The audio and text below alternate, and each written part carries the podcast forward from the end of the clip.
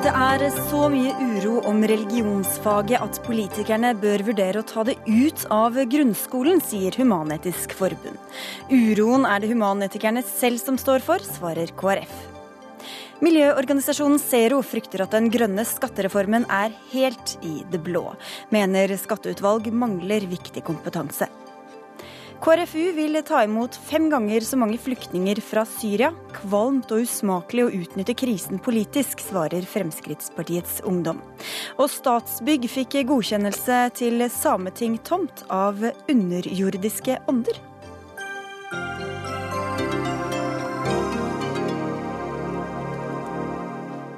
Dette er Dagsnytt 18 på NRK P2 og NRK2, hvor vi også skal innom sommerens mest kjøpte, men også minst leste bok.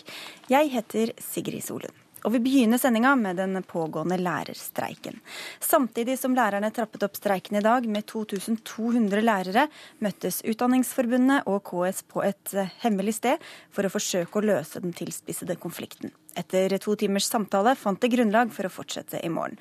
Og Magnus Takvam, politisk kommentator i NRK, hva er det de snakker om nå?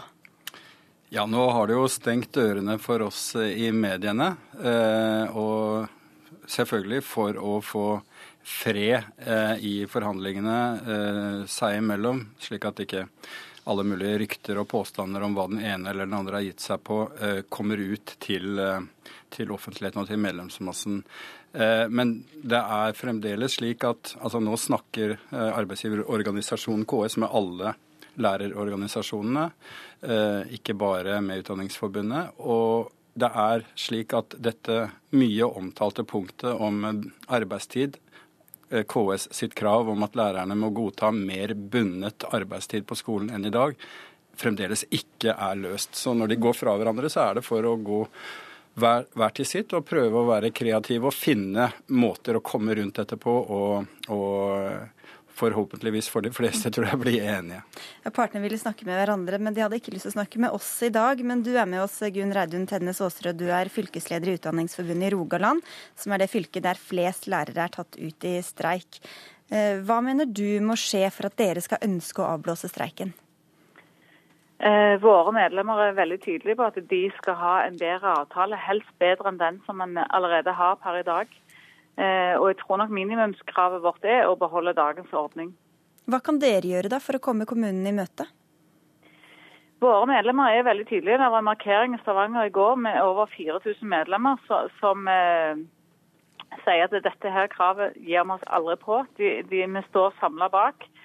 Eh, I Stavanger og Rogaland så har politikerne også vært tydelige på at de ønsker ikke å binde opp syv og en halv time til dagen på arbeidsplassen på skolene. Men, men eh, så vi tenker jo her I Rogaland så har vi nok en politisk medvind. Eh, samtidig så er våre medlemmer også veldig tydelige på at vi skal ha en arbeidstidsavtale som ivaretar fleksibiliteten vår.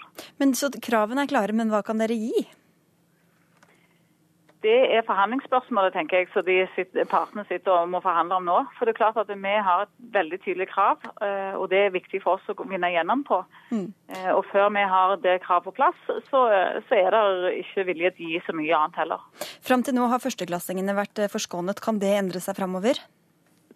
Det er jo klart at Nå har vi tatt ut 1100 medlemmer her i Rogaland. og Da sier det seg selv, det er snart ikke så veldig mange mer verken videregående eller ungdomsskoler å ta av. Eh, så det er klart at barnetrinnet står nok eh, laglig på hogg, for å si det sånn. Og, og må nok regne med at det, hvis det blir en ytterligere opptrapping, at de, de, det er ikke så lenge før de kommer med. Takk skal du ha, Gunn Reidun Tednes Aasrød, Magnus Takvam. Eh, hvis de står så steilt på dette kravet, hva kan da en løsning være? Det er selvfølgelig det vanskelige spørsmålet. Og det er slik at alle lærerorganisasjonene er enige om å ikke godta økt bundet arbeidstid. Så det er ikke bare Utdanningsforbundet. Det er blitt antydet at en løsning kunne være å prolongere dagens avtale, bare føre den videre. Det tror jeg ikke KS, arbeidsgiverne, er innstilt på. De er nokså bestemte på det. Eh, altså Det lærerne har antydet, er jo at i prinsippet er de også for skal vi si, økt eh, tilstedeværelse på skolen og få til eh, en samarbeidskultur som, som, som, fremmer skolemiljøet på den måten. Men det skal skje gjennom en god ledelse på hver enkelt skole. At man blir enige, ansatte og ledelse på skolen seg imellom om en ordning.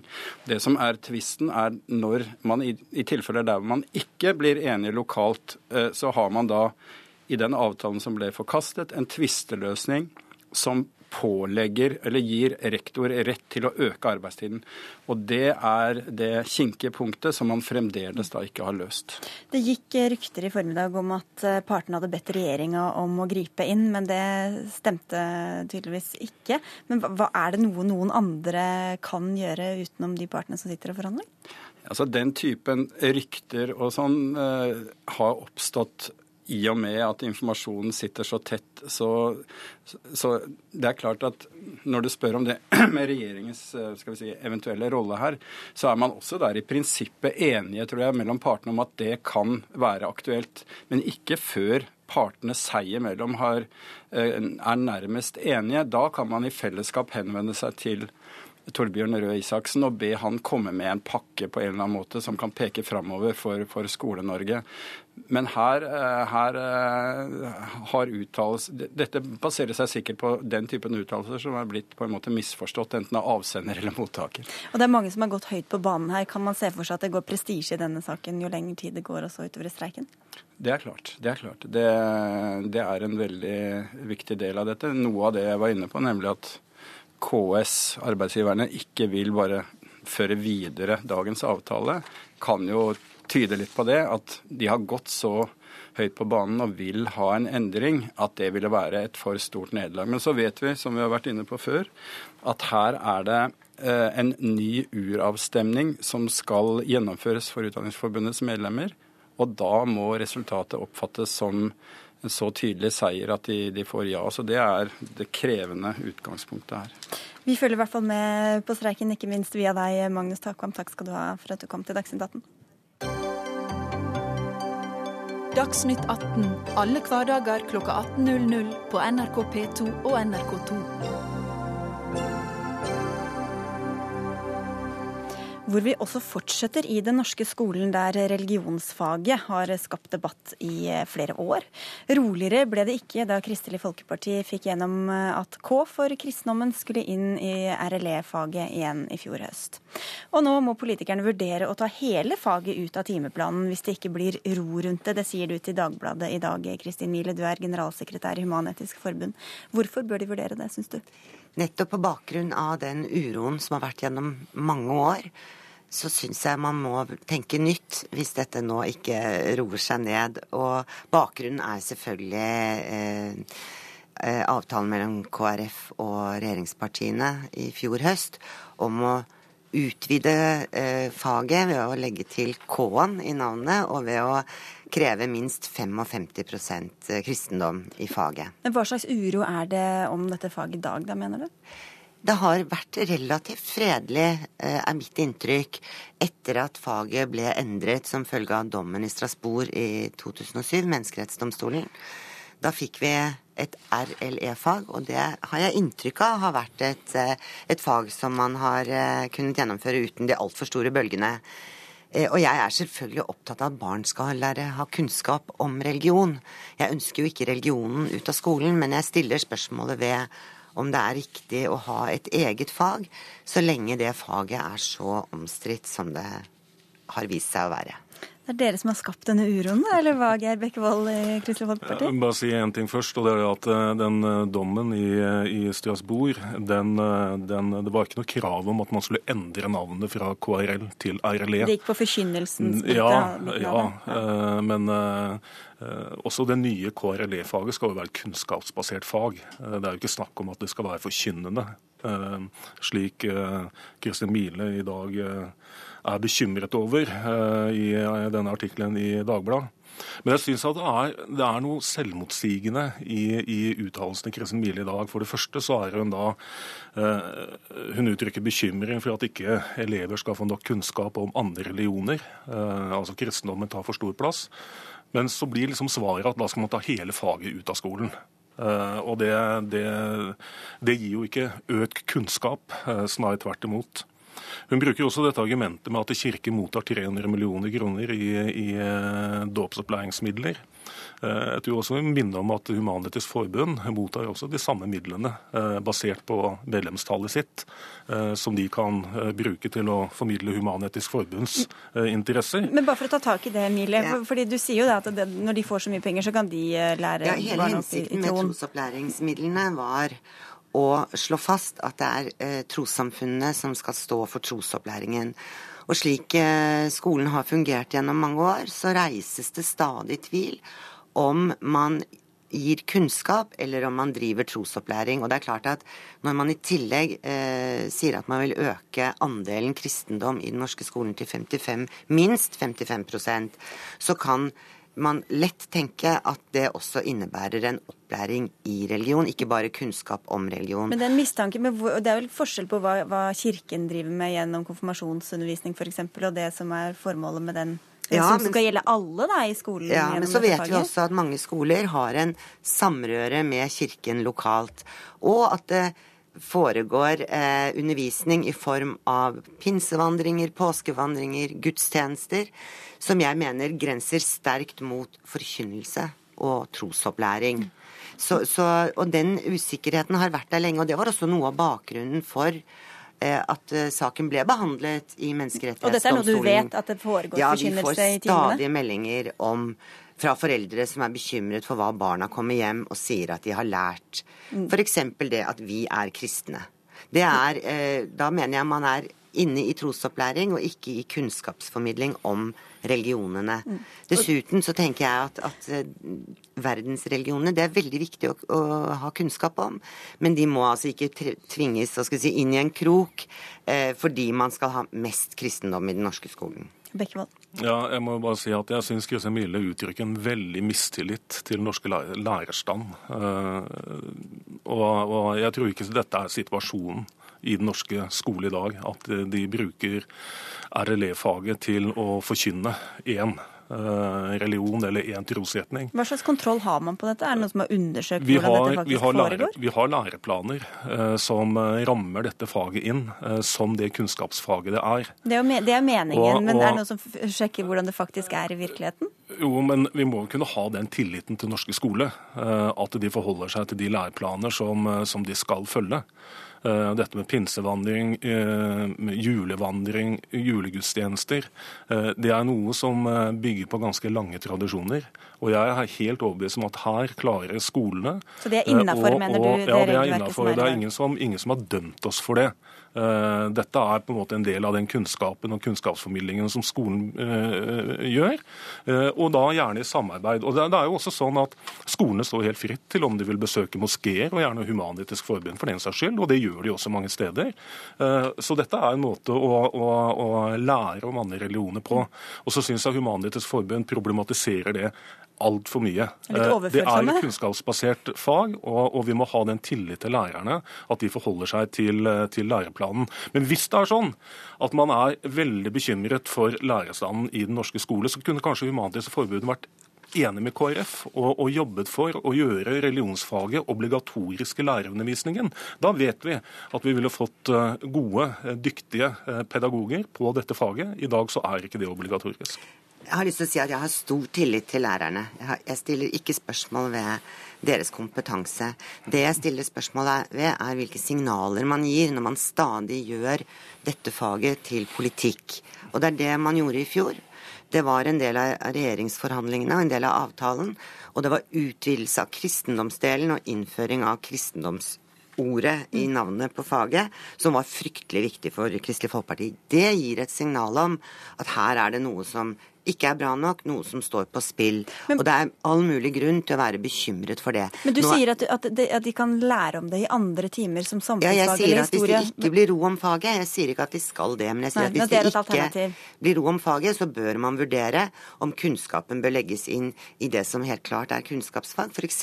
samfunnsfag hvilken, Men hvilken rolle spiller det om det er et eget fag, eller om man lærer Fordi om det andre steder? Fordi det sås tvil om hva faget skal inneholde, og det har Kristelig Folkeparti vært med på å, å gjøre. Vi vet at de som studerer, altså studentene i RLE-utdanningen, og lærerne er skeptiske til den avtalen som ble inngått i fjor, og gir uttrykk for usikkerhet om hva dette innebærer. Det har altså tatt et år nå uten, av, ut, snart uten at vi har fått vite hva det nye KRLE-faget egentlig skal innebære. Og det er helt klart et ønske fra KrF mer kristendom inn i skolen, det er vi skeptiske til. Vi kan se om vi kan få en avklaring ja, altså på tampen her. Det som her. eh, Kristelig Folkeparti har sagt, det er at om lag halvparten av faget skal, eh, skal Minst inneholde halvparten. Ja, minst halvparten av faget skal eh, inneholde kristendom. Slik det var før SV gjorde endringer med dette faget i 2008. Um, og så skal ikke lærerne sitte med noen kalkulator. Uh, Det skal de ikke. Og jeg må bare si at dersom det enkelte steder er slik at eh, 80 kanskje 70-80 av dette faget eh, forbeholdes kristendom, så er, så er ikke det greit. Ikke det greit. Jeg må bare si det. Men, det er ikke noe øvre tak, det er bare et undre. Men, men, men om lag eh, ca. 50% av faget bør Og det har noe med vår kultur, vår historie, vår kulturarv å gjøre. Og jeg syns ikke det er urimelig at man også får kunnskap om det eh, i, i Norge. Og hvis vi går tilbake igjen til dommen i Strasbourg, så sier jo den også veldig klart at i et land som Norge, med de tusenårige kristne tradisjonene vi har her, så er det ingenting i veien for at faget kristendom får kvantitativt større plass enn de andre religioner, men kvaliteten skal det ikke være noe forskjell på. Helt kort, Mille. Ja, og det har heller ikke eh, i RLE-faget vært eh, Det har vært helt klart at kristendom har hatt et større andel enn de andre religionene. Nå signaliserer man at dette skal endres ytterligere i kristendommens favør. Og det er altså et fag som skal gi kunnskap om alle de store verdensreligionene og eh, livssyn og filosofi og etikk. For mange, man får mange Ja. ti, flere timer så, i uka her. Og det er eh, altså et fag faget. Ja. som tar eh, en større andel av småskolens timeantall enn det engelsk gjør.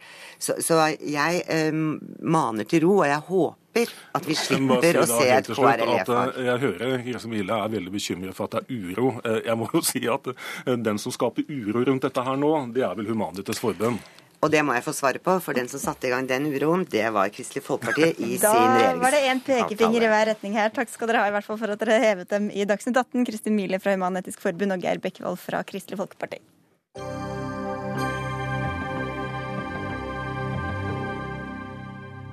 Alle som har fulgt med i samfunnsdebatten de siste ukene og månedene, har eh, helt sikkert bitt seg merke i Thomas Piketty, den franske samfunnsøkonomen, som etter sigende har gitt ut en bok som veldig veldig mange har kjøpt, men svært få har lest.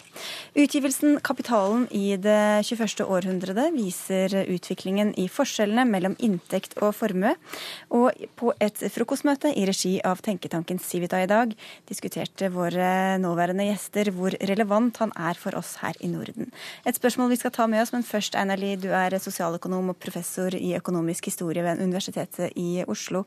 Hvorfor har denne Piketty fått så voldsomt mye omtale?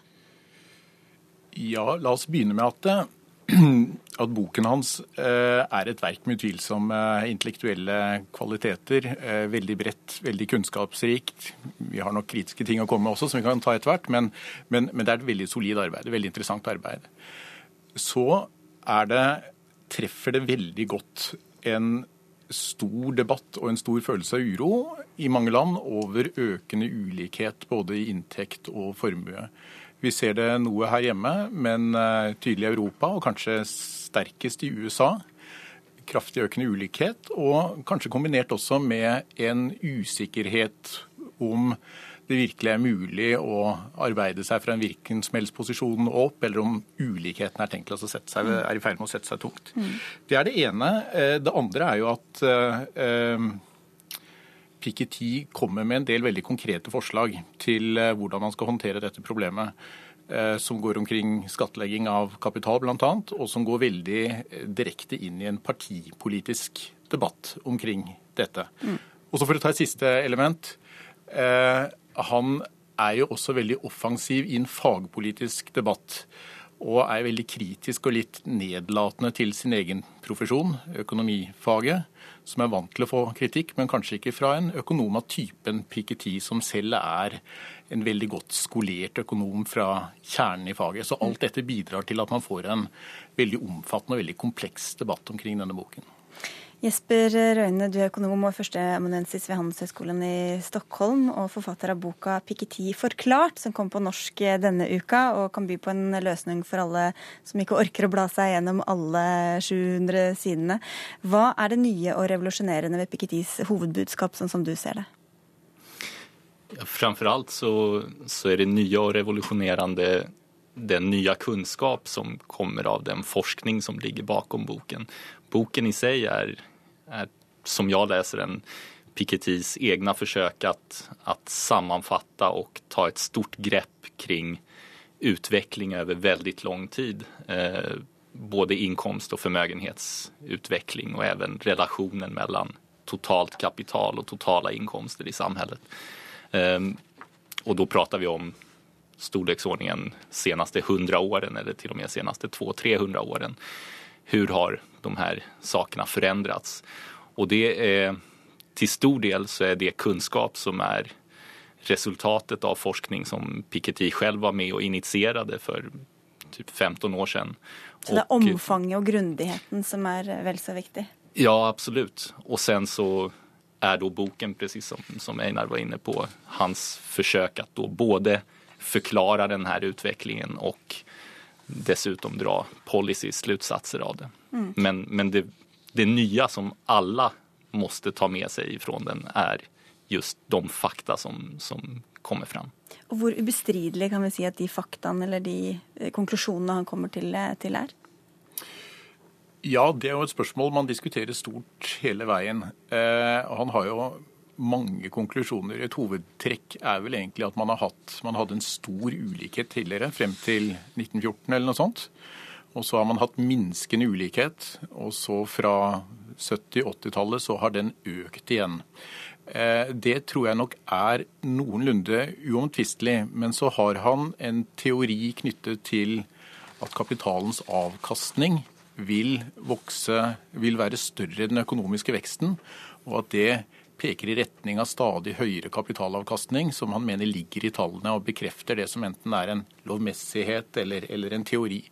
Der er det nok litt uenighet omkring det. Jeg mener nok selv at det, at det ikke er så tydelig i de tallene som, eh, som Piketty selv, eh, selv mener. Kristian Bjørnskov, du er professor og forsker i internasjonal økonomi ved Århus universitet. Hva synes du om argumentene og konklusjonene til Piketty? Jeg er ikke overbevist, for der er øh, rigtig mange relevante ting, som han helt ignorerer. Altså, specielt i en nordisk sammenhæng, så ignorerer han helt, at institutioner betyder noget for ulighed og for, for den økonomiske udvikling. Altså sådan noget som, som, hvordan politik fungerer, hvordan jura fungerer og hvordan civilsamfundet fungerer. Der har været øh, rigtig meget forskning de sidste 40 år, der har vist, hvordan institutioner er helt centrale for at forstå rigtig langsigtet udvikling. Øh, og også i særlig grad for at forstå, hvordan de nordiske lande er annerledes enn de fleste andre steder i verden. Og de forhold, altså både hvordan civilsamfundet, men altså også hvordan, hvordan politikk fungerer forskjellig i, i uh, Sverige eller Norge eller Danmark fra, fra lande som Italien og Frankrig, er noe som han helt ignorerer. Men det kan være riktig for andre land, men det er ikke relevant for oss her i Skandinavia? Altså det, det er også relevant for, for hans kerne eksempler, der er USA og, og Frankrig. Men det er et særligt problem, hvis man tager til Norden, fordi vi øh, på mange måter er markant annerledes enn en det meste av resten av verden. Mm. Hvilke tiltak er det han foreslår for å, for å dempe disse ulikhetene som han da mener har påvist at, at vokser? Ja, altså Det han konkret prater om i sitt, sitt policy avsnitt handlar ju mycket om, om att beskatta kapital och att uh, ha progressiv be kapitalbeskattning. Och framförallt att den här, för att fungera så borde en sån kapitalbeskattning koordineras mellan länder. Uh, och det är ju någonting som många har poängterat att det här är helt orealistiskt. Uh, och det är han själv väldigt tydlig med i boken också att det här är inte några policy eh, rekommendationer som han förväntar sig att man kan implementera på något sätt. Men han, han ser det mer som någon sorts utopiska förslag som man bör förhålla sig till eh, och pekar på varför man bør arbeide i den riktningen. Mm. Det, det, er vel hans, hans hovedbudskap. Og så er jo et stort eh, spørsmål da, Bjørnskov, om det er et problem dersom det er blitt økende forskjeller også her eh, hos oss i Norden? Altså det, det, det, tror jeg sånn sett ikke det er. fordi vi har sett eh, både perioder hvor ulikheten økedes, og perioder hvor ulikheten falt igjen. Øh, hvis man prøver å kikke på bare den danske eller den svenske utvikling, så er der ikke noen riktig langsiktet trend i, i, i hvordan utviklingen fungerer. Øh, problemet blir at hvis man fokuserer så mye på ulikhet, og helt særlig som Piketty gør, fokuserer på de rigeste, eller topp 10% eller topp 1% så er det en tendens til at man glemmer de egentlige problemer. Og det er blant de fattigste. Hans, hans uh, politikkforslag Øh, er siktet mot å gjøre de rige fattigere. Det er meget litt der er siktet mot å gjøre de fattige rigere. Mm. Så det er ikke noen motsetning mellom øh, at forskjellen forskjellene kan øke og heve levestandarden for de fattige, mener du? Altså det, det, det, har vi sett i rigtig mange land, også vores egen øh, historie, at i starten der økes ulikheten, men alle både blir løftet like mye. Og da er vi inne i den politiske debatten. Ja, nej, jag, jag håller inte riktigt med om att, att det inte finns några tydliga trender. Eh, det tycker jag absolut att, att det finns. Eh, ser man över lång sikt så finns det åtminstone inte lika tydligt i Danmark, det håller jag med om. Men i, i Sverige och i Norge finns det en, en ganska, ganska, ganska klar trend oavsett hur man väljer att mäta, om man tar in mobilitet, vilken del av eh, befolkningen man tittar specifikt på, så finns det en tydlig trend att sen 80-90-talet så har inkomstskillnaderna ökat. Men en viktig poäng är att den ökningen har skett ifrån en internationellt och historiskt väldigt låg nivå. Så att beskrivningen som ibland presenteras där man säger att utvecklingen her har vært like dramatisk som i England eller USA. Eh, det er riktig om man ser til procentuella tal, til, til den relativa utvecklingen. Men i absoluta nivåer så börjar den utvecklingen från en väldigt, väldigt jämn nivå. Så att konsekvenserna blir att, att Norden nu ser mer ut som resten av Europa och inte alls som, som USA och England. Så att det är någonting man, man bør tenke på når man diskuterer utvikling. Ja. La meg følge kort opp. Altså, Piketty ville nok vært uenig med Christian her, tror jeg. Og siden Piketty ikke kunne komme, så skal jeg representere Du har ikke spurt ham engang? Nei, nei, nettopp. sterk forglemmelse. Ja, han ville nok kommet. Men eh, han ville nok vært litt uenig i det resonnementet som går på at ulikhet ikke er så farlig så lenge de fattige får det bedre. Og Det er knyttet til et kjerneargument om at konsentrasjon av formue og inntekt gir større makt og gir større samfunnsmessig innflytelse. Og Da er egentlig ikke nivået så viktig, men fordelingen i dette. Eh, for så vidt også i overensstemmelse med en, en kjent uh, norsk sosiolog, Stein Rokkan, med en tese Votes counts, resources decides, altså stemmer teller, men ressurser avgjør. Som også er rettet inn mot institusjoner. Men jeg syns også man må kunne legge til, hvis vi ser på selve ulikhetsspørsmålet, at det er klart, Enhver form for ulikhet er ikke et problem, men et kjerneargument på rettferdigheten vil være at når man er i samme samfunn, Eh, så vil man tenke at det å ha store og systematiske forskjeller på livsutfoldelse og hva man kan gjøre, som også vil gå i arv fordi eh, penger gjør det, at det er et problem. Så har vi lettere for å leve med det vi kaller eh, eh forskjeller i utfall, altså hvor man har endt opp, enn forskjeller i utgangspunkt og ja, i muligheter. Alle skal ha de samme mulighetene. Ja, Men det er klart eh, store formuer som arves. Eh, man fødes inn i en situasjon som er veldig ulik, bestemt av inntektsfordeling, som gjør at eh, man i praksis ikke har det, akkurat de samme mulighetene, avhengig av hvor man kommer inn i denne verden. Er ikke det så farlig, Bjørnskap? Det, det, ser farlig ut, men øh, hvis man skal trøste seg med historien, så er det utrolig mange øh, eksempler på at øh, familier er blitt rige fordi det er en der har fått en riktig god idé. Men sønnene eller børnebørnene er, dårlige til å føre fem, Det er tredjegenerasjonsforbannelsen? Øh. Det, er, det er det nettopp. Så det blir ikke ved. Øh, og selv om man er et gammelt og hevdvunnet firma, så er det ikke noen sikkerhet for at man overlever hvis andre får en bedre idé. Men hvis ikke alle har samme muligheter, hva tror du det gjør med samfunnet og de menneskene som bor der? Jeg, jeg, tror, jeg tror, det handler om øh, hvordan man bruger sine muligheder, hvilke, hvordan man har mulighed for å bruke sine evner.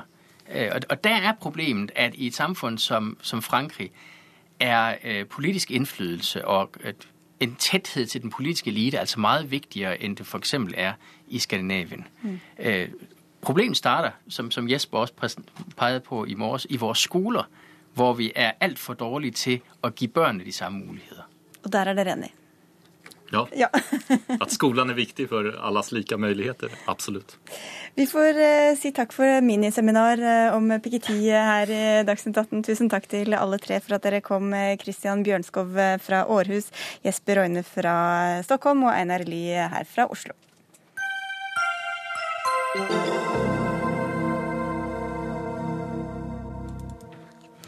Erna Solberg har skrytt av den. Siv Jensen og Tine Sundtoft likeså. Og for noen få dager siden ble den oppnevnt den nye skattekommisjonen som skal fremme forslag til eh, grønne skatteskift, som skal vri skattesystemet og gjøre det dyrere å skade miljøet. Men sammensetningen av utvalget skaper debatt, bl.a. fra miljøvernorganisasjonen Zero, der du er leder, eh, Marius Holm. Og du sier at det sitter veldig flinke folk i eh, kommisjonen. Hvorfor er du da likevel ikke fornøyd med den? Det er fordi den er uh, sørgelig ensidig sammensatt. Vi hadde veldig store forhåpninger til uh, kommisjonen. At det skulle være en uh, nytenkning, siden vi har fått et nytt parti inn i Finansdepartementet som jo kanskje har vært litt skeptisk til miljøavgifter, og kanskje, kanskje kunne tenke helt nytt rundt grønn skatt. Så ser vi at man har oppnevnt i all hovedsak økonomer, flinke alle sammen men de tenker ganske likt. Eh, vi, har, eh, vi savner ekspertene på, på, hvordan vi skal endre samfunnet vårt.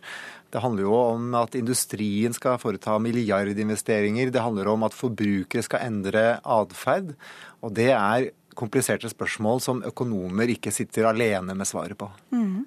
Jørgen Ørse, du er statssekretær i Finansdepartementet. Hva ja. svarer du kritikken fra Zero her? Nei, du håpet vel på noe skikkelig sprell fra Fremskrittspartiet, du, og så ble du litt uh, skuffet. Men uh, vi har uh, satt ned en grønn skattekommisjon med et godt faglig utvalg av personer som vi tror gjør en veldig god jobb. Og de har bred bakgrunn, bred erfaring. veldig god leder, Lars-Erik Borge. Eh, så jeg tror dette blir veldig bra, og jeg vil være forsiktig med å dømme det før det i det hele tatt har eh, trådt sammen og begynt å jobbe. Jeg antar at dere er glad i økonomer i Finansdepartementet, men eh, hvorfor har dere ikke sett bredere på sammensetninga når dere valgte medlemmer?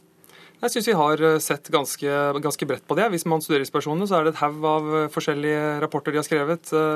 Eh, masse, masse, arbeid er gjort. Utvalget de har sittet i. Vi har fått med en fra, fra Danmark også, eh, for å få et blikk litt utenfra Norge. Så jeg syns vi har en eh, god sammensetning, og dette er et godt utvalg. Jeg er veldig glad for at alle disse personene har takket ja til å bruke tiden sin i dette utvalget. Mm. Få høre med deg, Holmda, Hva slags kompetanse er det dere savner? Ja, kan, jeg vil særlig trekke frem to ting. Vi har mye industri i Norge. Mange arbeidsplasser i uh, tungindustri som bruker mye energi. Foredler kraften til produkter verden trenger, men dessverre da med en del utslipp. Og de må ned de neste åra. Og For å få til det, så må det investeres milliarder i ganske krevende prosjekter. Og du må eh, få til store teknologiinnovasjoner. Og det er ikke professorer i samfunnsøkonomi eksperter på. Tvert imot så har de De er litt konservative? Ja, de har, eh, tvert imot så har mange av disse vært eh, talsmenn mot politikk som, som driver innovasjon. De har vært eh, kritiske til det man har gjort i Tyskland med å løfte fram solenergi og sørge for at det blir konkurransedyktig. Det har de vært uttalt kritisk til over mange år. De har vært kritisk til norsk elbilpolitikk, som er den største suksessen vi har i norsk klimapolitikk. At vi virkelig får til endring alle de grepene som i Norge eller andre land har vært kraftfulle og skapt positiv utvikling, skapt ny teknologi, skapt entusiasme om klimaløsninger hos vanlige folk. Alle de løsningene har økonomene stort sett frarådet. Hvor, eh, hvordan kan man håpe at folk som har vært en del av systemet, som kanskje har vært konservative, eller hva vet jeg, som Holm sier, hvordan skal de klare å være de som tenker de helt nye, revolusjonerende tankene? Det er jo bare noen av disse i utvalget som har vært eh, så vidt innom SSB eller Finansdepartementet. Det er ikke sånn at eh, alle har det, og eh, halvparten av utvalget har jo ikke jobbet i noen av de institusjonene. Og det kommer fra den samme skolen, da. Ja, hvem sier at det er kjedelige mennesker som jobber der? Men jeg tror at det er dyktige folk som har jobbet mye med disse problemstillingene. Her skal vi ha en helhetlig gjennomgang, og det er viktig med folk som ser helheten i økonomien, ser virkningene av de grepene man, man gjør. Og så skal de danne et godt beslutningsgrunnlag for oss som skal se hvilke grønne skatteskifter vi faktisk skal foreta i fremtiden. Men det får vi gjøre når de legger frem sin Men, rapport. Bare på en liten ting, Hvem er det som har bestemt hvem som skal sitte der? Eh, det har regjeringen eh, gjort. Det har vi vurdert eh, innad i regjeringen. Men da var det det spørsmålet du egentlig ikke kom inn på, Holm. Hvem er det du skulle gjerne sett sitte i denne kommisjonen? Ikke nødvendigvis navn, men yrke ja, da. Da tenker jeg Jeg vil gjerne f.eks. sett en, en norsk investor eller gründer som har skapt nye arbeidsplasser, som vet hva det vil si å ta investeringer, risikable investeringer i ny teknologi, som vet hva skal til for at jeg tør gjøre det, hvilke skatteendringer må til for at det er mulig mulig å få til? Hvilke insentiver, skattefradrag, gulrøtter i klimapolitikken kan gjøre det mulig å tørre å ta investeringer? Og så savner jeg kanskje sosiologen eller psykologen som vet hvordan vi eh, vanlige folk tenker. Hva er det som får oss til å gjøre andre valg, kjøpe andre produkter, gå vekk fra diesel over til elbil? Hva er det som virker? Hvordan tenker vi? Og det mangler i utvalget. Også, Få høre først hvorfor ikke disse gruppene, særlig investoren, som dere ellers prater veldig varmt om, eh, har ikke funnet veien i dette utvalget? Det høres ut som et veldig mye mer fargerikt rikt utvalg, dette her, da. Men eh, jeg syns eh, Hva er galt med det, da? Nei, jeg syns det er et så viktig tema dette her, at jeg, jeg syns vi kan få et veldig godt kunnskapsgrunnlag for å ta de fremtidige beslutningene. Men er det for viktig til å overlate til investorer som har brukt masse penger på å skape nye arbeidsplasser? Det kunne sikkert f.eks. vært en investor. Det er mange andre grupper man kunne hatt inn, men det er jo ikke så mange man kan ha i et sånt utvalg heller, så det begrenser seg jo litt. Og jeg syns som sagt det er en veldig god sammensetning på utvalget, og jeg har vært litt forsiktig med å sable det ned før det har avgitt sin utstilling. Jeg vil se hva det kommer frem til først, jeg, før jeg eventuelt kritiserer arbeidet. Ja, for bare høre med deg, Hva er det du frykter at, kan, eh, kan ende, at det kan ende opp i da, når det utvalget er ferdig? Ja, grunnen til at jeg er kritisk før jeg har sett hva de har kommet opp med, er at jeg har ganske klar formening om hva, jeg, hva de kommer til å komme opp med. og Det er eh, lærebokpensum i samfunnsøkonomi.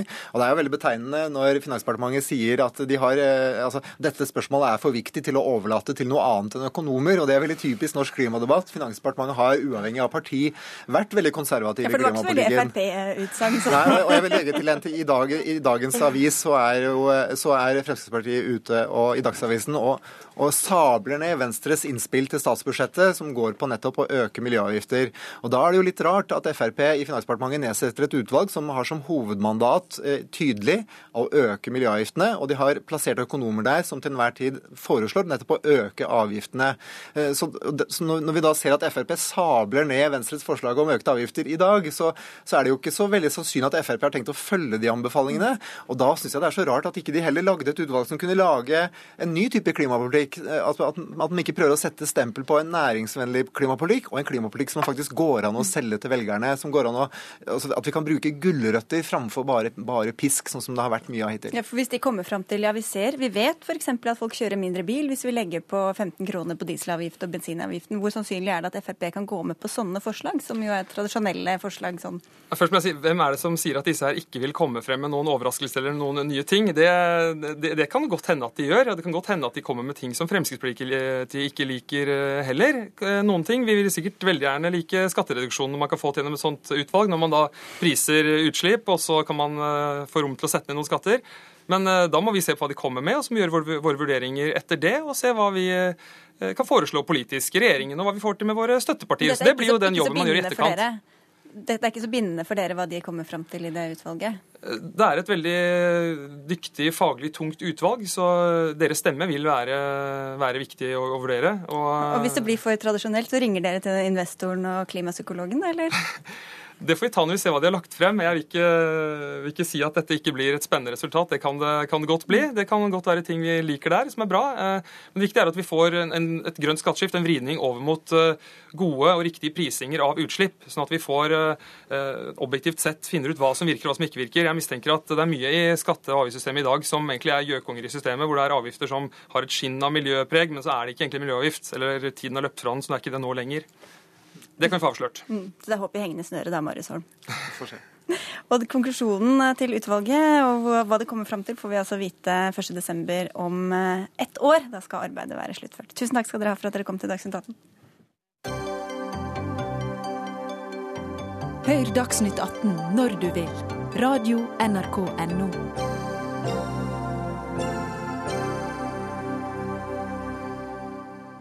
har vakt oppsikt at to ansatte i Statsbygg overnattet i lavvo på området der Sametingets nye kontorfløy i Karasjok skal stå.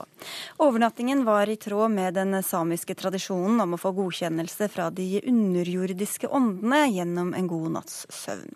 Harald Nikolaisen, du er administrerende direktør i Statsbygg. Hvorfor skal deres ansatte bidra til å få godkjennelse fra de underjordiske? Jeg vil jo kanskje først eh, slå fast at dette er ikke en utprega del av vår virksomhet. Det er ikke noe dere gjør hver dag? Det er ikke noe vi gjør hver dag og hele tiden, men vi syns det er veldig naturlig å vise eh, respekt for de folka som vi samarbeider med på, på Sametinget. Og vi, synes, vi ble med glede med på en, en kulturell markering. Det syns vi er helt uproblematisk. Og folk hadde en veldig god natts søvn. Ja, hvordan gikk det? Fikk dere den godkjennelsen dere trengte fra disse åndene? Vi, eh, våre folk sammen med Sametinget hadde i hvert fall en veldig god natts søvn og en fin opplevelse i, en lavvo. Og så går byggeprosjektet videre som planlagt. Det er vel, det er vel så langt, ja, det er så langt jeg kan konkludere. Ja. Ronny Berg, du er leder i Finnmark Fremskrittspartiet og er med oss fra et studio i Alta. Og du har reagert litt på det som skjedde. Hvorfor har du det? Nei, jeg vil jo først si at jeg har ikke reagert i, i den forstand, eller som jeg så oss i land, det stod at jeg refsa. Det, det, var ikke det det gikk ut på. Jeg stilte en del spørsmål eh, rundt en sånn eh, eh, tradisjon man legger opp gjennom Statsbygg eh, i forhold til det samiske. Eh, og det jeg stilt spørsmål blant annet, Han nevner jo nå selv at det er snakk om å vise respekt for dem man samarbeider med. Er også Statsbygg da villig til å gjøre det overfor andre bygg eh, når man i fremtida i forhold til tradisjoner og tro og eh, man ønsker å ha dem med på, eller er det bare overfor det samiske? Um, ja, det, Dette er ikke en um, utpreget problemstilling vi får ofte, det må jeg få lov til å si. Men vi har gjort det før i, i 2009, også da i, i Kautokeino. Og vi gjør det òg på en måte, Det er en del av å tilnærme seg samarbeidsformer kundene våre med respekt. Vi, vi bygger også i, i India, i Nepal og andre steder ute i verden i forbindelse med f.eks. For ambassadebygg. Og det er faktisk en viktig del av vår opptreden og vårt verdigrunnlag. Hva er det dere gjør der, da? Eksotiske Ja, nei, ikke så, ikke, ikke, Kanskje ikke den type eksotiske ting, men det handler om å tilnærme seg den kulturen man møter de vi skal samarbeide med, med respekt og folkeskikk, tenker jeg. Og vi har ingen problemer med å bli invitert på f.eks. en sånn labomarkering, eller at vi tilpasser oss eh, klesskikket f.eks. når vi har kvinnelige ansatte som, som arbeider i afrikanske land til noen grad. Men, men eh, og Dette opplever vi som helt uproblematisk i, i hverdagen vår. altså. Ronny Berg, hva burde de sagt da de ble bedt om å sove over der? Nei, Jeg så jo også at eh, helseministeren var jo spurt eh, om samme her bare for ca. tre måneder siden i Kirkenes i forbindelse med å bygge nytt sykehus. Eh, han takka da høflig nei da han hadde andre ting å gjøre, overnatta på hotellet. Eh, så, eh, men det som er at jeg er litt sånn tenker på det i forhold til om man da gjør det overfor andre. Vi kan jo få andre ting i Norge også når man skal bygge bygg, at stat, statsbygda stiller opp i forhold til det. Og så er det jo litt Hva er det sånn som er gærent med det, da?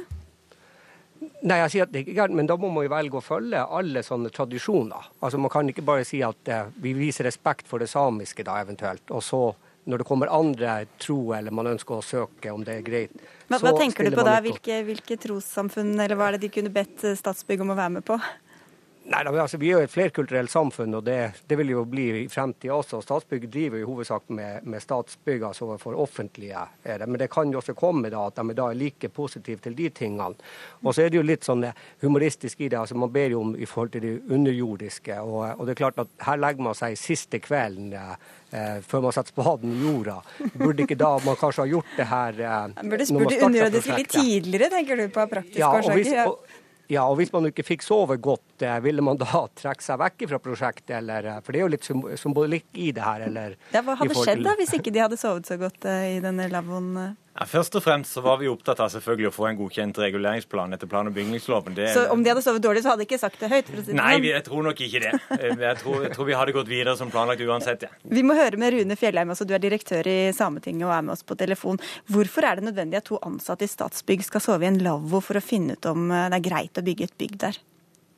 Nei, altså for, først og fremst handler det om at uh, vi ønsker å uh, følge de tradisjonene som er i det samiske samfunnet, som handler om i denne, til, uh, i denne sammenhengen så handler det om at man ikke bare skal ta seg til rette når man skal etablere seg på et sted.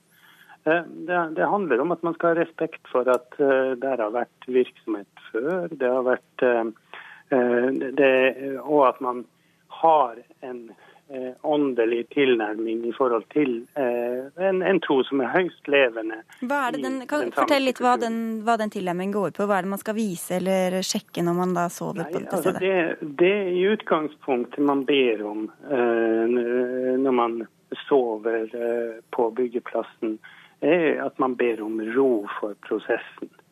Eh, og Jeg kan gjerne være med på at man diskuterer om det her kunne vært gjort tidligere eller senere, eller gjort innenfor konteksten eh, av tradisjon. Men vi har jo ikke sånn sett ønska å gjøre verken noen stor sak av det her. Og, og, det er jo litt påfallende at vi i denne saken blir invitert til å debattere i Dagsnytt 18, mens vi sliter på andre områder med å få kontakt Uff da. Du får få nummeret, direktenummeret. Ikke sant. Men det var, hvis det var spill for galleriet, da, hvis de ikke hadde sagt ifra heller om de hadde hatt noen dårlige vibrasjoner den kvelden, hva er da poenget med det? Nei, men du kan si at nei, altså, Poenget eh, er jo knytta til den typen tro man har eh, i forhold til hvordan man oppfører seg i et område der man skal etablere seg. Mm. Eh, og, eh, og, eh, så kommer det et hypotetisk spørsmål da selvfølgelig. Hva hadde skjedd om man hadde sovet urolig eller hadde en ubehagelig opplevelse den natta. Og ja, det kan selvfølgelig skje i henhold til tradisjonen også. Eh, men det lar seg også håndtere. Det fins eh, de som kan bidra med å hjelpe til der også. Altså noen åndeutdrivelse, eller er det jeg, fabler jeg helt her, eller? Ja, nei, men Du behøver ikke å fable så mye om det, for det er jo etablert i, i, i, i Den norske kirka bl.a. hvordan man håndterer eh, urolige hus. Eh, og, eh, det, en del, det inngår jo som en del av, mm. av det kirka i Nord-Norge jobber med på daglig basis. Ja. Dette, det, det, her er ikke, det, det her er jo ikke noe, noe, noe, noe merkelig. Og, eh, vi vil bare høre med Nikolaisen hva han hadde syntes hvis det hadde avstedkommet en sånn reaksjon? Nei, vi, vi, tenker nok at, at vi syns det var hyggelig å bli invitert med av Sametinget på å markere anleggsstart. Og hvis vi kunne gjøre det og samtidig vise respekt for, for, for uh, kultur og tradisjon der vi bygger, så syns vi det er bra. Det er veldig mange andre markeringer av byggestart som er uh, mye mer uh, intetsigende enn denne type litt kulturell og historisk seremoni. Så det syns jeg er helt Men hvis, Hvor går grensa, for å spørre som, som Berg gjorde her, da, for hva dere kan gå med på både i dette tilfellet, hvis det hadde eskalert, eller i andre tilfeller? Nei, det er klart, Vi ville jo ikke Vi, vi, går, vi forholder oss jo selvfølgelig som, som Statsbygg som er profesjonell eiendomsforvalter til fag og teknikk når vi, når vi drifter hus. Det, det, er jo helt åpenbart. Og det er klart For oss så er det også sånn at det er grenser for hva vi gjør og ikke gjør Eh, kan gjøre i forbindelse med anleggsmarkeringer. Men dette er godt innafor. Vi, vi har aldri så langt følt at den grensa har blitt utfordra. Mm. Så det ser vi fram til med spenning. Og Hvilken skade er det skjedd Ronny Berg, når de bare har vist eh, respekt for de tradisjonene som er lokalt? Nei, jeg har, jeg har heller ikke tatt til orde for at det skjedde noe skade. Det, nå er jeg blitt kontakta fra media rundt den saken. og har uttalt meg at det er jo symbolikk i det her. Og så har jeg stilt en del spørsmål rundt det offentlige i forhold til hva er Statsbygda villig til. Og det er jo som eh, direktøren på Sametinget sier, at man har det sånn i prosjektet. Da lurer jeg på, Er det sånn at et av kriteriene i forhold til Sametinget når de har prosjekt, at eh, man må, eh, de som skal ha prosjekter må være med på sånne her ting? Eller, eller, er det frivillig, eller er det negativt hvis man ikke stiller på det? Da skal Fjellheim få svare på det.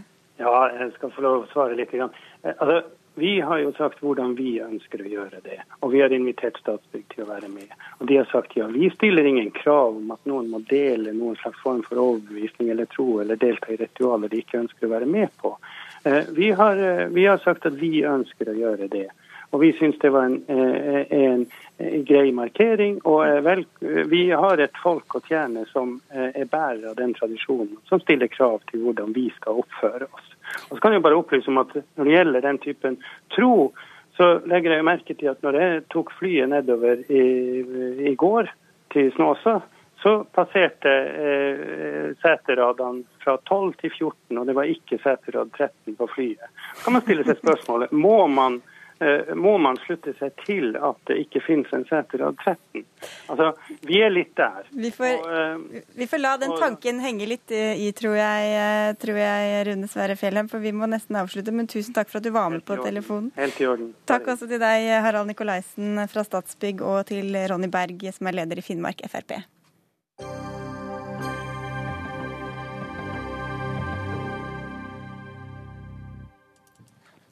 Det er brutt ut full krangel ungdomspartiene imellom om hvor mange flyktninger Norge skal ta imot, og hvem vi har råd til å bosette her i landet. Ungdomspartiene i sentrum vil femdoble kvoten på 1000 syriske flyktninger som Norge har sagt ja til. Kristelig Folkepartis Ungdom beskylder de blå for å være hjerteløse, men får beskyldninger tilbake om at forslaget fra sentrum er inhumant og egoistisk, kvalmt og vulgært. Og det er du som har hentet fram disse beskrivelsene om utspillet, Atle Simonsen. Du er formann i Fremskrittspartiets Ungdom. Hvorfor er det dekkende ord? Fordi at eh, man velger her en løsning hvor det er færrest mulig mennesker som får hjelp. Man kan faktisk hjelpe 26 ganger flere ved å hjelpe folk i deres nærområder. Eh, og det er ikke mulig å bosette millioner av syriske flyktninger i Europa eller i Norge. De store massene av flyktningene må uansett hjelpes der de er. Men eh, dette er flyktninger som FN sier at ikke kan hjelpes der de er, eh, og FNs høykommissær for flyktninger ber oss om å ta dem imot. Ja, nå er det sånn at Norge er det landet ved siden av Sverige som tar imot mest fra før. FNs høykommissær har bedt alle land om å ta imot flere. Men alle, de aller fleste land velger denne løsningen her. At det, det, vi lar noen komme til i vårt land, men vi er nødt til å hjelpe de fleste der de er.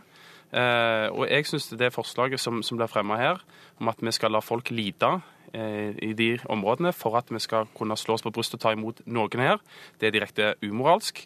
Eh, og de aller fleste land de velger faktisk denne løsningen her, med å hjelpe flesteparten der de er, for da kan du hjelpe så uendelig mange flere. Emil André Erstad, du er leder i KrFU. Hva syns du om disse karakteristikkene fra din motdebattant her? Nei, det får stå for hans regning. Men uh, altså, med Simonsen sin logikk her, så skal jo ikke Norge ta imot en flyktning fra noe som helst område, fordi det alltid vil lønne seg å hjelpe flyktningene der de er. Men uh, det er sånn at de flyktningene vi blir bedt om å ta, imot, er torturoffer, bombeoffer. Forfulgte minoriteter. Og det er folk som trenger hjelp i en trygg havn. Og det, jeg syns vi skal stille opp med den trygge havnen til disse. Og det er, ikke, det er ikke for disse et alternativ å bli i disse områdene, og det vil være et dårligere alternativ. Og da synes jeg det... Men Hvorfor er det ikke et alternativ å hjelpe dem i nærområdet? Jo, fordi de ikke vil få eh, beskyttelse eh, permanent der, eh, av ulike grunner. Fordi det ikke er kapasitet. Og hvis vi ser nå på situasjonen i Libanon, så er det altså 97% av flyktningene fra Syria de er nå bosatt i, i flyktninger i nabolandet Syria. Eh, alle må skjønne at Libanon, som hver dag nå tar imot flere flyktninger enn Norge gjør i løpet av et helt år, har en eh, uholdbar belastning på infrastruktur, på boligsituasjon, på eh, helsevesen og på arbeidsmarked. Så det er ikke plass til flere folk i, i Libanon, som er et område på størrelse med Rogaland. Eh, som da har der, der nå snart hver tredje innbygger er syrisk flyktning. Og da snakke om manglende kapasitet i Norge, det blir ganske absurd. Ja, hvordan vet du at disse er mulig å hjelpe der, Simonsen, når FN sier noe annet? Nei, fordi at Norge kan betale for infrastruktur. Vi kan betale for helsevesenet, og vi kan betale for boliger for å hjelpe det flest mulig. Eh, og jeg mener at det er virkelig eh, å ta vår del av ansvaret. Men jeg vil, jeg vil, jeg vil spørre Erstad om en ting. Men, men mener du at, altså, Hvor lang tid har du på deg til å hjelpe disse flyktningene mens de lider, eh, for å bygge opp et samfunn igjen i stedet for å hente flyktninger hit, da? Vi, vi, ønsker å hjelpe flest mulig, og det er det som er vår politikk. Og det gjør vi med å kunne hjelpe i deres nærområder. Men jeg vil spørre Ørstad om en ting. Men når FN sier at ikke alle kan hjelpes i nærområdet, mm. Jo, men det er, er, flere land i dette området. Det er flere land som vi kan bidra til at folk får hjelp. Men poenget er uansett at vi ønsker å hjelpe flest mulig, mens, mens KrFU ønsker å drive med symbolpolitikk. Men, men kan jeg få, utfordre Erstad på én ting? Få utfordre på én ting. Nå kommer vinteren til Syria, og enorme mengder mennesker mangler både tak over hodet og varme klær. Spørsmålet kan faktisk stille ganske enkelt. Ønsker Erstad å redde 5000 mennesker i Norge, eller 130 000 mennesker i Syria? Og Frp ønsker det siste, eh, og jeg har vanskelig å forstå eh, tankegangen bak et mål om å ikke redde livet til så mange mennesker som mulig. For det er nettopp det vi må gjøre. Eh, ikke symbolpolitikk om å få gi Norge, noen en gullbillett til Norge, men å faktisk hjelpe mennesker. Altså, det her blir helt absurd, fordi kan, det er ikke noe som har bedt oss om et enten-eller her. Jeg er enig i at vi skal gi mer humanitær bistand til flyktningene i nabolandet Syria. Og jeg er enig i at vi skal ta flere til Norge. Simonsen stiller seg helt i ytterkanten av debatten sammen med Frp og sier nei takk til begge deler, for det er faktisk det som skjer. Men kan du høre med deg, Simonsen? Jo, men Siden du snakker om hvor mange som kan hjelpes der, da kan vi jo vente voldsomme påplussinger i budsjettet som kommer for neste år, da? Lille Norge er allerede den sjette største humanitære giveren til hjelpearbeidet. Og Norge tar imot eh, det er ikke riktig det som sier, men Norge tar imot 1000 FN-flyktninger. Og Det er en av de største kvotene i Europa. og Vi tar vår del ansvar og hjelper noen her. Men idet vi skal bruke mer penger eh, på å hjelpe noen, så ønsker jeg at vi skal hjelpe flest mulig for de pengene, og ikke drive med symbolpolitikk. Og nå er Det sånn at det står 5000 mennesker allerede i kø i Norge på å vente på å få bosetning. Og Det KrFU og de andre partiene her ønsker, egentlig bare å doble denne køen. og Det kommer ikke til å hjelpe noen som helst. Vi syns det er mye bedre å hjelpe 130 000 mennesker der nede og sørge for at de får, får eh, et verdig liv, enn at vi skal da gi 5000 gullbilletter til Norge. Og vi må huske på at disse... Altså, Simonsen står på den ene sida, Flyktninghjelpen, Kirkens Nødhjelp, Amnesty, FNs høykommissær for flyktninger på den andre sida. Jeg vet hvem jeg velger side med i denne debatten her. Fordi Eh, det er ikke sant det som blir sagt her, at vi kan hjelpe 26 flyktninger for én flyktning. Jo, det er FNs altså, egne tall. Men det, det, er en oppkonstruert problemstilling. fordi... Så det er ikke de samme menneskene det er snakk om? Eh, Nei, altså, det, det, er jo andre mennesker. Vi, vi, blir bedt om å ta imot flyktninger som ikke vil få permanent beskyttelse, og det må Simonsen ta inn over seg. Jeg syns vi skal løfte perspektivet litt. Jeg syns vi skal se at det den svenske statsministeren Fredrik Reinfeldt sa forrige helg, der han sa at svenskene nå må åpne hjertene sine for å ta imot enda flere mm. flyktninger. Et land som har tatt imot og gitt permanent oppholdstillatelse til 20 000 syrere allerede, og som har eh, midt i en intens valgkamp, der utgiftene til eh, denne flyktningstrømmen blir større og større, sier han det. Og Da syns jeg at vi òg skal gjøre det. Og da vil jeg oppfordre regjeringen til Simonsen om å ta en Reinfeldt når eh, nå de skal legge fram sitt statsbudsjett første, eller, i begynnelsen av oktober. Få høre hva Simonsen sier til det, da, om å ta en Reinfeldt. Det tror vi nok ikke det gjør. For, for oss handler det om å hjelpe faktisk flest mulig. Og i alle andre debatter så er det snakk om å gjøre mest mulig, best mulig for minst mulig penger. Men, men, okay, men, men bare... hvis ikke det er de samme menneskene det er snakk om, eh, Simonsen, du svarer ikke helt på det? Det er det jo faktisk det. Det er mennesker som, er, er, som lever i elendighet, som er flyktninger. Det er 6,5 millioner mennesker som er på flykt nå. Men Atle Simonsen, er, du uenig, er, du er du uenig med FNs høykommissær når han sier at vi må hjelpe de flyktningene som nå eh, trenger, eh, trenger, beskyttelse, som trenger beskyttelse for forfølgelse, som trenger nødvendig helsehjelp fordi de ikke kan få den i området, fordi de er torturoffer eller bombeoffer. Mm. Er du uenig med det, eller mener du at vi skal ta imot de flyktningene? Jeg mener vi skal ta imot de som har sagt vi skal ta imot. Det er 1000 mennesker, og så skal du... vi hjelpe de 130 000 der nede. Og du må huske på at FNs høykommissær har sagt dette til alle land i hele Europa.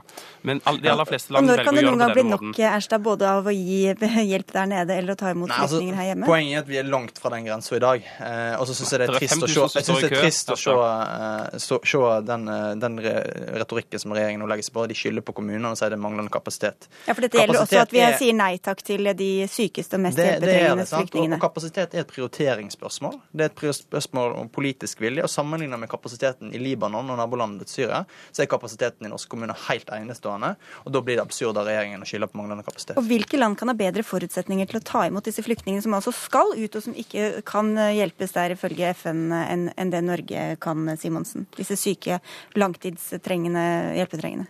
Men vi mener at vi, vi, kan bidra med helsehjelp, vi kan bidra med bolighjelp og infrastruktur i de landene som er rundt. Ja, Men disse skal jo ut på et eller annet vis. da, og så, si, altså, så, sier vi at vi vil ikke ha de aller sykeste som trenger hjelp lengst. Hvem er det som skal ta imot dem da, om ikke oss? Vi bør ta imot de som, de som trenger hjelp mest, men poenget her er at vi, for oss så handler det om å hjelpe flest mulig mennesker. Og jeg må si jeg blir kraftig provosert uh, av Verstad sin politikk, som handler mer om å blidgjøre sine egne velgere enn å hjelpe mennesker som er i nød. Altså- og du kan hjelpe så utrolig mange flere hvis du velger å gjøre det på den løsningen som vi gjør, som England gjør, som veldig mange andre land gjør, istedenfor at det skal være blidere velgere og drive med symbolpolitikk Symbol, og gi folk ja. Eh, en, en gullbillett til Norge. Altså, Jeg er helt enig med Simonsen at vi skal gi med humanitær bistand til Syria, men det handler om å gjøre to ting samtidig her, og det mener og det vi fint kan gjøre i mye større grad enn i dag. Men når kommunene sier at de har ikke kompetanse til å ta imot disse sykehusene, hvordan skal vi gjøre det da? Det handler om at vi må gjøre sånn som svenskene har gjort, brette opp armene og, og ta en ekstraordinære tiltak i en ekstraordinær situasjon. Og det har Norge vist mange ganger, og det er det Libanon gjør nå. Og det mener jeg at vi må gjøre. Det tror jeg regjeringen Simonsen er enig med oss i, men så tror jeg han stiller seg litt på sida av debatten. Og så vet vi at det snart kommer et uh, statsbudsjett til neste år som også skal gjennom dere i KrF, så det kan jo bli litt endringer der. Vi får også eh, på tampen gratulere deg, Emil André Gjerstad, som har fått fornyet tillit fra ungdomspartiet ditt i dag, og si takk for at du var med.